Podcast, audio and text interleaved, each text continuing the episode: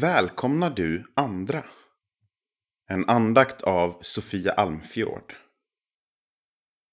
Alltså, allt vad ni vill att människor ska göra för er, det ska de också göra för dem.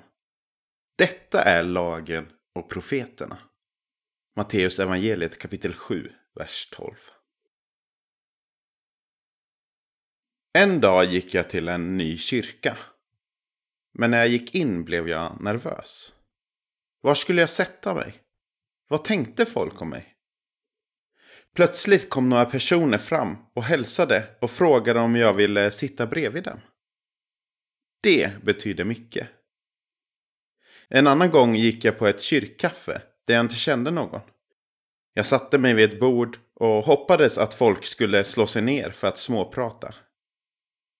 Ingen satte sig ner. Förutom en person som inte verkade vilja ha kontakt. Jag kände mig löjlig och gick iväg.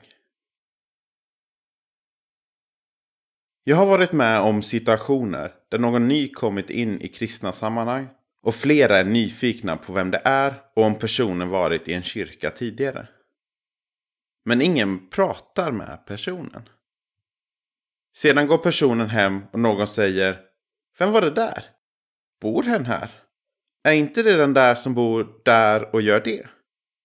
Detta hade man ju fått reda på om man faktiskt hade frågat. Själv tycker jag att det är obekvämt att prata med nya människor. Då hjälper det om man är två.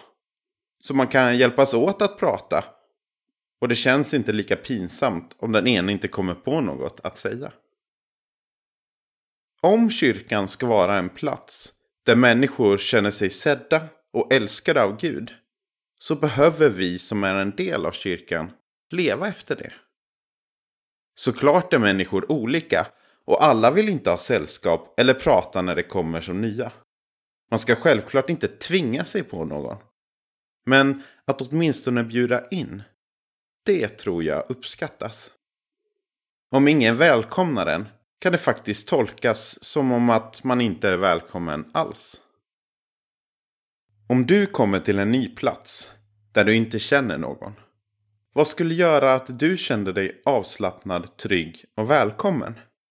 Hur kan du, som Guds redskap, bidra till att andra får del av gemenskapen?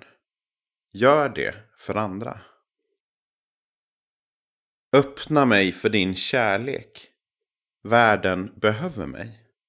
Världen behöver din kärlek strömmande genom mig. Forma mig för ditt rike. Uppväck mig, ge mig liv. Ta mig nu in i din lydnad. Herre, förvandla mig. Öppna mig för din kärlek av A.H. Lindgren och R. Forsberg. Vi ber. Gud, hjälp mig att se vad andra människor behöver och att välkomna dem där jag redan är hemma.